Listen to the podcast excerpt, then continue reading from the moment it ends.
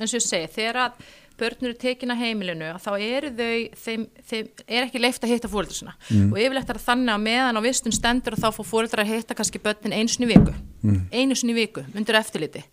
Uh, og þau eru alltaf látið að taka výmefnapróf sem er algjörlega sjálfsagt og eðlilegt. Um, en á öðru leiti fá þau ekkert að hittast. Og ímynda er síðan, og þessi börn fá ekkert að hitta ömmu afa, þau fá ekkert að hitta frændfólk eða frængur mm. og fá ekkert að vera í sínu eðlilega umhverfum og síðan þegar það er gengið lengra og þá að fara að svifta fóröldur fórsjá og setja barni í varalegt fórstur mm. að þá e, e, hefur normi verið það, eða almenn reglan að þessu börn er að fá að hitta fóröldra sinna tvísur ári, undir eftirliti í 2-3 klukkutími senn e, ömmur og afar, þessu börn er að fá að hitta ömmu og afa sinna, ömmu og afa einu svona ári, mm. einu svona ári kannski klukkutíma í einhverju húsnæði með einhverja ókunna eftirlitsmanniski sem hangir yfir þér og það er eftirlit og það er hlustað og hort á allt sem þú segir og gerir. Og ef þú ætlar að segja eitthvað sem er ekki þeim þóknarlega þá grepið inni mm. og eitt af því sem er líka í þessum skilgrinningum og andli og félagslega ofbeldi er eftirlit og stjórnun.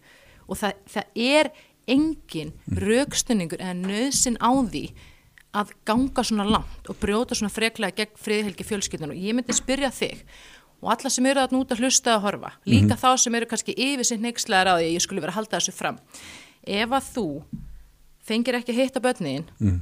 ég veit að þú átt ung börn alveg svo ég nema einu sinni tviðsóra ári í tvær klukkustundir í senn já. í hrörlegu húsna við um barnavendar með ókunna eftirlitsmannuski hangandi yfir og horfa allt sem þú segir og allt sem þú gerir myndið þú upplifa það sem alvarlega nöyðung sem að veldur er alvarlegri þjáningu og sásöka alveg klálega Akkurat. og niðrandi framkoma og Nið, niðrandi framkoma. allt, allt, öll völd tekin af mér um mitt eigi líf. Niðurlægandi mm -hmm. og hvernig og, og hvað með ömmur og afa þessara batna sem þú átt og þeirra sem eru að núta hlusta? Mm -hmm um, eru þau að upplifa það að fá ekki að hitta barnabötnin sín? Þetta eru ömmur og afa sem hafa ekkert gert af sér sem hafa kannski lifa reglusumu heilbriðu lífi, allt sitt líf sem hafa gefið þessum barnabötnum alla sína ást og alla sína umhyggju? Ef að börnur eru tekin af fóruldrum vegna nýstlu eða eitthvað að þá er, er, er slitið á tengst við ömmu og afa já, líka já, ef þau fara í fórstufjölskyldu og normið er að þessi börn fá að hitta ömmu og afa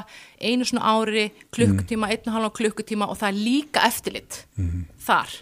Og hver, hver, ímyndaði niðurlæginguna og sásökan fyrir þessa einstaklinga sem hafa ekkert annað gert en að elska þessu börn og þrá mm. ekkert annað en að elska þessu börn og veita um umhyggju og e eða tíma með þeim og það sem að batnaðin gerir til þess að réttlæta þetta mm. er að segja að það með ekki raska stöðuleika og róð þessara batnaði fóstri mm -hmm. og þetta er bara, þetta er algjör þvæla En þú nefnir einmitt líka að batnavend sko leitast ekki við að reyna að koma barni sem að þarf að fara í uh, sagt, einhver aðra umsjá, mm -hmm. reyna ekki að koma þeim til annara fjölskyldumöðlum að heldur er alltaf reynd að fara í einhverja uh, hlutlausa eða sagt, fjölskyldu sem að, að fóstu fjölskyldu sem að kemur málun ekkert við Já, mjög oft er það þannig þegar mm. að barni fjallægt að heimili sem mm. er bara oft nöðsynlegt og ég er ekkert að viðfengja það að þá er ofta fyrsta sem þið gera þeir taka barni og setja það kannski til sýstur eða bróðus, foreldris eða ömmu afa. Og barnið er látið vera þar í kannski eina, tvær vikur eða þá það sett á vistheimli en síðan